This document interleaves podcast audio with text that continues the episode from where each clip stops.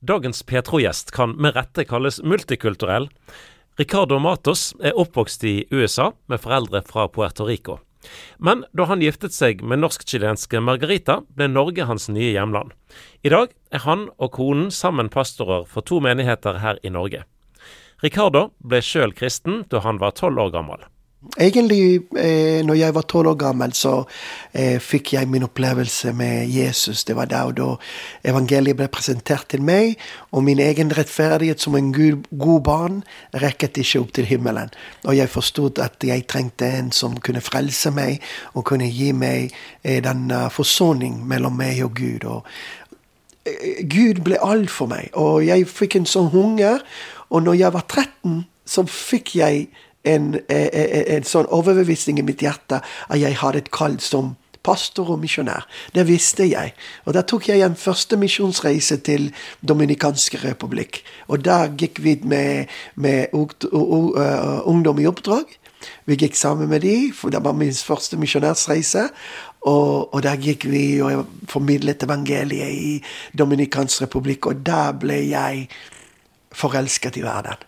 Det var, det var, det som gjorde at jeg, jeg skjønte Jeg skjønte Guds hjerte. Eh, og, og, og var Johannes 3,16 sier at så høyt har Gud elsket verden. Jeg følte den kjærlighet for hele verden. Verdien for hver enkelt menneske, uansett hvilken kultur, bakgrunn, hudfarge, eh, sosial status. Alle ble skapt i Guds bilde, og alle like verdifulle i Guds øyne. Og det var egentlig det som på en måte drev meg til å bare ønske mer og mer av Gud. For jeg visste at en gang og det skulle komme en dag hvor jeg skulle være misjonær, og jeg skulle være en pastor. Og jeg på en måte siktet mot det. Jeg tok utdannelse. Jeg, jeg ble ferdig utdannet som arkitekt. Eh, jeg husker at Og dette er noe som kanskje jeg kan gi råd til dere foreldre og til, eh, og til ungdommer som holder på å bestemme hva skal jeg gjøre. Jeg begynte å, jeg visste at jeg hadde et kall, og jeg visste at jeg skulle være pastor og misjonær. Eh, så jeg tenkte kanskje jeg burde gå til seminar, eller jeg, jeg burde gå til bibelskole, eller jeg burde gå til en sånn teologisk sted hvor jeg kunne forberede meg til å være pastor. Men en av de tingene Gud sa til meg, var at alt det du forbereder deg med, og alt det du utvikler, alle talenter du har, alt det du utvikler deg i, så skal jeg bruke i mitt, i mitt rike. Så jeg har en talent for å tegne, for design og forskjellig. Så jeg tok en avgjørelse. Ok, Gud, jeg skal utvikle meg som arkitekt. Men samtidig skal jeg gå og bli disippeltrenet til å være en, en, en sånn gudsmann og, og, begynne å tjene i menighet. Så jeg var etablert i en lokal menighet. Jeg var med i de forskjellige tjenester. Jeg var en disippel til min pastor. Eh, men så begynte jeg jo også å studere arkitektur. Og det var fem års eh, utdannelse med pluss eh, litt utdannelse etterpå. Men jeg følte at det var riktig og jeg visste ikke hvorfor, egentlig, til senere i livet. For eh, det er noen land så det er ulovlig å gå inn som hvis man søker visum, f.eks., som pastor eller som misjonær Du får ikke lov å komme inn, for det er muslimske nasjoner eller nasjoner som er, er, er, kristendom er, er ulovlig, rett og slett, å formidle. Men jeg har vært mulig å komme inn som arkitekt for å gjøre en humanitær, humanitær arbeid. Og, og, som arkitekt jeg har vært mulig å bygge, jeg har vært mulig å hjelpe samfunn, men samtidig har jeg vært mulig å formidle evangeliet på en veldig praktisk måte. Og, og mange ganger vi, vi har forsynt evangeliet uten å si et ord. Og folk har kommet og spurt hvorfor er dere sånn, hvorfor gjør dere sånn? Og der kunne vi komme og, og, formidle evangeliet om Jesus og den kjærlighet som Gud har for alle menneskelighet. Så, så, Gud har en plan. Så alt det du utvikler deg, alt det du forbereder deg med, det skal Gud bruke. Det har han gjort med oss også. Fortsett å gjøre det. Ricardo, det er jo egentlig et mirakel, et under, at du lever. Mm. Kan du fortelle hva som skjedde når du var 18 år? Ja, vet du hva. Når jeg var 18 år, så var jeg på et møte og jeg husker at det var en gudsmann som kom frem. og Han holdt på å forkynne. og så Han ba folk som ønsket å bli bedt for, å komme frem. Og jeg kom frem. Og han begynte å be, og så mens han ba, så profeterte han over forskjellige. Og når han kom bort til meg, så begynte han å profetere, og så sa han For før du var i din mors liv, beskyttet jeg deg. Og når du var i mors livet, jeg la ingen eh, røre deg og skade deg, for jeg har et kall for deg, for du skal være en profet og som skal ha mitt ord i deg, og jeg skal bruke deg. Og det hørtes veldig Jeg husker, husker jeg holdt på å lese Bibelen mens jeg var der. Og jeg leste den første kapittel av Jeremias og de første versene for vers 4, hvor Gud sa de ordene til Jeremia. At før før du ble født, jeg skjønte det i din mors liv, og jeg satt deg som profet. Og, og Gud sa alle disse ordene, så, så, de ordene han sa, ble kjent for meg. Det var ikke noe nytt. For jeg har lest den i Bibelen. Og det betyr mye, men jeg skjønte ok, han siterer Bibelen, han siterer det, det som står i Bibelen over meg, og, og det var veldig fint. Men midt i salen satt min mor. Og, og, jeg husker at mens han ba disse ordene, jeg kunne føle min mor grine bak meg. Jeg kunne føle at hun bare gren og gren, og, og, og det var litt sånn veldig mye. Men, uh, men, det var ikke til vi kom hjem at uh, jeg spurte mamma mamma, hvorfor gren du når, når, når, de sa de ordene over meg. Og for første gang når jeg var 18 år gammel, så min mor begynte å fortelle meg at uh, at når hun ble gravid eh, med meg eh, eh, Det var masse problem i ekteskapet med pappa. Det var masse økonomiske problem. Og, og, det var en kveld hun ble full, pappa ble full, og de, mens de var full, så de kom sammen. Sånn? Og så plutselig har de en eh, kveld sammen, en natt sammen. Og, og, da så Gud en mulighet til å sende en liten gave ned til himmelen, fra, eh, fra himmelen til jorden. Og det var meg. Så da ble jeg omfanget i, i, min mors liv, og, og, mamma fant ut at hun var gravid. Og hun sier det var den verste nyheten hun kunne få. For eh, å, å, ha en baby midt i den situasjonen, den krise som var i familien det var det, For hun det var det verste som kunne skje. Så i tre måneder, i de første tre månedene hun gjorde alt det hun kunne for å for å abortere meg, uten å fysisk gå til klinikken. Eh, men hun tok alle hjemmeremedier, alle hjemmeløsninger og ting som de gjorde i den tid. Hun gjorde det til seg selv. Hun drakk, hun strøyk, hun prøvde alt mulig. Og så plutselig det var en klumpe som kom ut av kroppen hennes. Så hun trodde hun hadde abortert. Så når hun gikk til legen, så hun sa til legen vet du hva, jeg har hatt en spontan abort, og jeg vil at dere kan undersøke og rense meg. Og da legen undersøkte henne, og så sa til henne mm, 'Jeg vet ikke hva var det du mistet, men babyen er fremdeles der'. Og da det, Hun sier at hun fikk en sånn gudsfrykt over henne. For hun har også studert eh, barneutvikling. Det er det hun utdanner seg som. Eh, hun er pedagog. Hun var pedagog. pedagog. Eh, så, så, hun visste at de første tre månedene i svangerskap det var er det mest kritisk for en baby.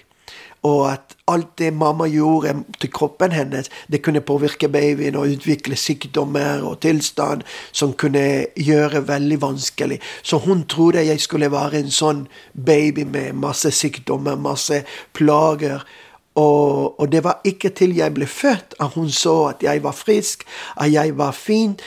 Hun begynte å bare takke Gud. og Hele livet mamma behandlet meg så hun skilte meg noe. Det var ikke bare at jeg var den yngste, men det var noe annerledes med hun, hennes holdning mot meg.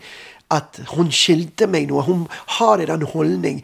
Men det var ikke til den dagen at jeg skjønte hvorfor. Og det hun sa til meg en av de tingene jeg ba til Gud hele tiden for å tilgi meg, var at jeg prøver å drepe deg. Jeg prøver å drepe deg i min mage.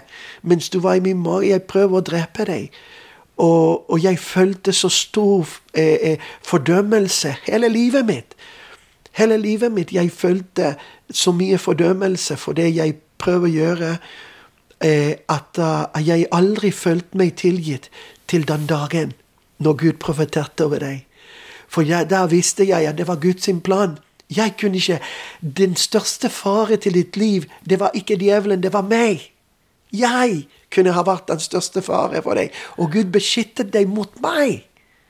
Så jeg så at Gud hadde en plan. Og vet du hva, når mamma sa det til meg jeg skjønte, jeg forsto at virkelig Gud har en plan, og jeg kan ikke en å leve i den planen og vandre i den planen. Og derfor jeg bestemt meg at jeg skulle dedikere hele livet mitt til å gjøre. For hvis Gud reddet meg før jeg ble født, det vil si at Gud har en plan at jeg må fullføre. Og det er derfor jeg er her i dag. Og det er en, en abortlov, det er en, eh, en abortsak som folk lurer på. Nå, nå, kan vi definere at en baby er en baby, at en person er en person. Eh, Bibelen sier at før vi er født, vi, når, vi var en, eh, når vi var en embryo, vil si når vi var bare en, en liten cell En embryo det er før banker begynner å, å, å, å slå. Før vi var det. Vi var, når vi var bare en liten selv. han kjente oss, og han kalte oss ved navn. Så hvis Gud våger å kalle oss ved navn når vi er så bitte lite, hvem er vi å si at det er ikke en baby? Hvem er, si, hvem er vi å si at det er ikke et liv? Og jeg vet at hadde min mor lykkes i å abortere meg, vi skulle ikke ha den program i dag. Og vi skulle ikke ha den mulighet til å formidle Guds kjærlighet som vi gjør i dag. Og det kan jeg, det kan jeg si. Eh, Min mor eh, reiste sammen med Herren et par år siden. Og jeg var mulig å være med henne i den siste tid. Og jeg fikk en mulighet til å spørre henne. Og så spørre henne mamma, hadde jeg flere søsken enn de tre vi er? Og, sa mamma, og så sa mamma ja, det hadde dere. Men ikke spørre meg hvor mange, sa hun til meg. Men det var det de lærte i den tid. De lærte at den måten å kontrollere familie og kontrollere din fremtid, det var å ta abort. Så det å ta abort, det var veldig normalt i den samfunnet, i det 60-tallet, 70-tallet. Eh, det, var en del av de, det, det var det de lærte. Det de lærte fra myndigheter, det var det de lærte fra politikerne. Det var det de lærte når de gikk og, og får rådgivning, f.eks. eh, fra helsesøster. Det var det de ble formidlet, at det er den eneste vei ut er dette. Og det gjorde det. Og, og jeg møtte egentlig mamma sin bestevenninne som kom til hennes begravelse. Og det var akkurat det samme hun ba Gud om tilgivelse for. Det var de tingene de gjorde sammen, for hun var med å gjøre det sammen.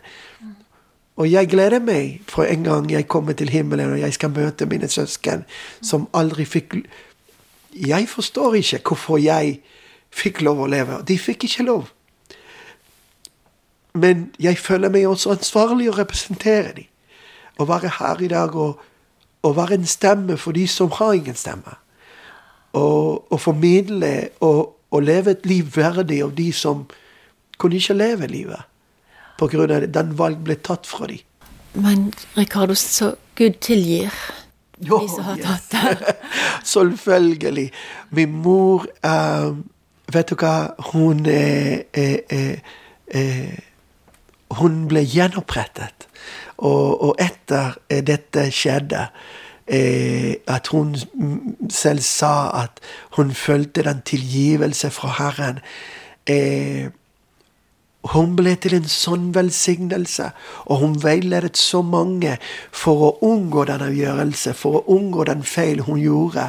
Og det ble til en erfaring for å gi god råd til folk som havnet i samme situasjon som henne. Og, og min mor var en bønnekriger. Min mor var uh, en, en sangkvinne som har vært alltid en inspirasjon for meg. Men en av de tingene som jeg er mest takknemlig, er at hun aldri hun aldri eh, eh, skyldte sine feil og sine mangel. Hun gjorde det offentlig kjent så at vi kunne lære fra det. Så i, i den tilfellet jeg er veldig takknemlig, for det er litt sånn som i Bibelen. I Bibelen du leser Bibelen, og det står alle de feilene. De gode ting David did, hvor du løser også alle de feilene han gjorde. Og det er ikke for å komme og baktale og si noe dårlig om han, men så at vi kan lære fra det. Så at vi kunne, vi kunne dra nyte av det som de, de feilene og de gode valg vi tar i livet. Og jeg tror at som kristen vi må våge av og til å være litt gjennomsiktig, og at folk får se egentlig at Nei, vi er ikke engler som har vinger, og vi, eh, vi er fremdeles mennesker. Vi kan gjøre feil, men det fins en Gud som tilgir når man omvender seg. Og det er det så viktig i dag å, å, å formidle. Min mor kom til en punkt der hun omvendte seg fra sin ferd. Og hun ba om tilgivelse, og hun forandrer sin retning. Og, og, omvendelse, det er veien fra synd til nåde. Det er omvendelse. Du var utdannet arkitekt og jobbet i Chicago, hadde det bra på alle måter økonomisk, og alt gikk veldig greit. Men du forlot alt og kom til Norge og ville tjene Gud. Ja, du skjønner, det var alltid eh, i mitt hjerte at jeg ville gjøre Guds vilje. Eh, eh, for meg eh, det er den største og den høyeste kall, det å gjøre det som Gud vil at vi skal gjøre. Og hvis Gud ønsket at jeg skulle være en arkitekt for resten av livet mitt, og det var det, jeg skulle ha vært veldig glad. Når du kobler deg til Guds hensikt, Gud begynner å krestrere ting bak kulissene. Når du Gi deg selv til Guds plan og hensikt. Begynner han å sette tingene på plass. Og det spiller ingen rolle. Kanskje du har bommet i livet. Kanskje du har tatt en feil avgjørelse i din fortid, og nå sitter du fast akkurat nå. Det er ingen problem for Gud å komme på putte deg inn tilbake til sin plan hvis du omvender deg. Og hvis du sier til Gud 'Gud, unnskyld at jeg tok eh, avgjørelse selv, at jeg gikk fra deg. Jeg kommer tilbake til deg, og jeg vil vandre i din plan igjen.' Og vet du hva? Gud er mektig. Gud er mektig for å gjenopprette de årene som, som gresshoppere har spist opp. Det spiller ingen rolle. Gud er mektig til å gjøre det igjen over, over natt. Han kan ordne ting opp. Men alt vi trenger å komme tilbake, omvende oss og komme tilbake til hans plan og hans hensikt og si Gud, jeg bare surrender. Og bare når du, når du kommer dit, du skal begynne å oppleve den eventyr som Gud har forberedt for ditt liv. For dette er ikke eksklusivt bare for meg, dette er eksklusivt for alle som tror på Han. Og nå driver du to menigheter, du og din kone, her i Norge, i Bergen og Oslo? Ja, det stemmer. det stemmer. Vi er pastor i menigheten Troens Ord, Bergen og Oslo. Og, og det, det, er bare en liten begynnelse, det må vi bare si. Um, det, eh, vi, vi, føler at Gud har gitt oss et budskap, ikke bare for, eh, for Bergen by eller for Oslo, men for Norge. Um, Norge var en nasjon som eh, gjennom historie har gitt mange eh, misjonærer rundt i verden. Det, det, har gått ut fra Norge. Eh, mange misjonærer som har vært til velsignelse. Og en av de steder som har vært veldig velsignet av eh, norske misjonærer, og spesielt den ene eh, norsk misjonær som heter Sally Olsen, som heter Jeg sier hun heter, for hun lever fremdeles i himmelen.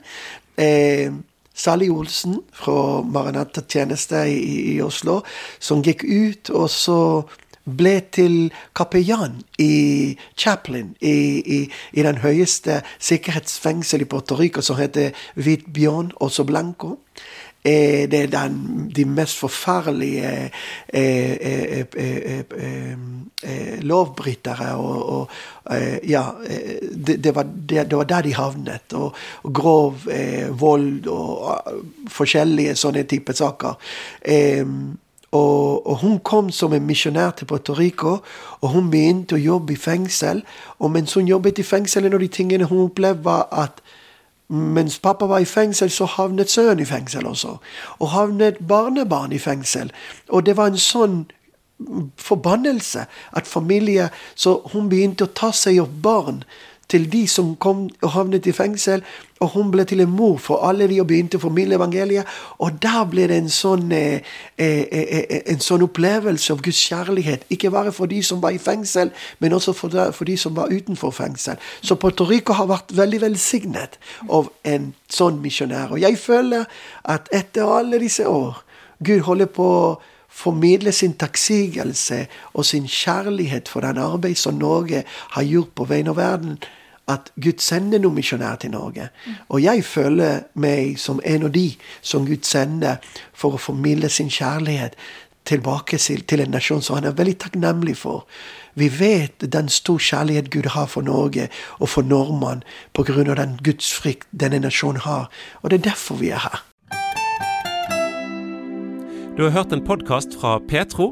Du finner masse mer i vårt podkastarkiv på petro.no.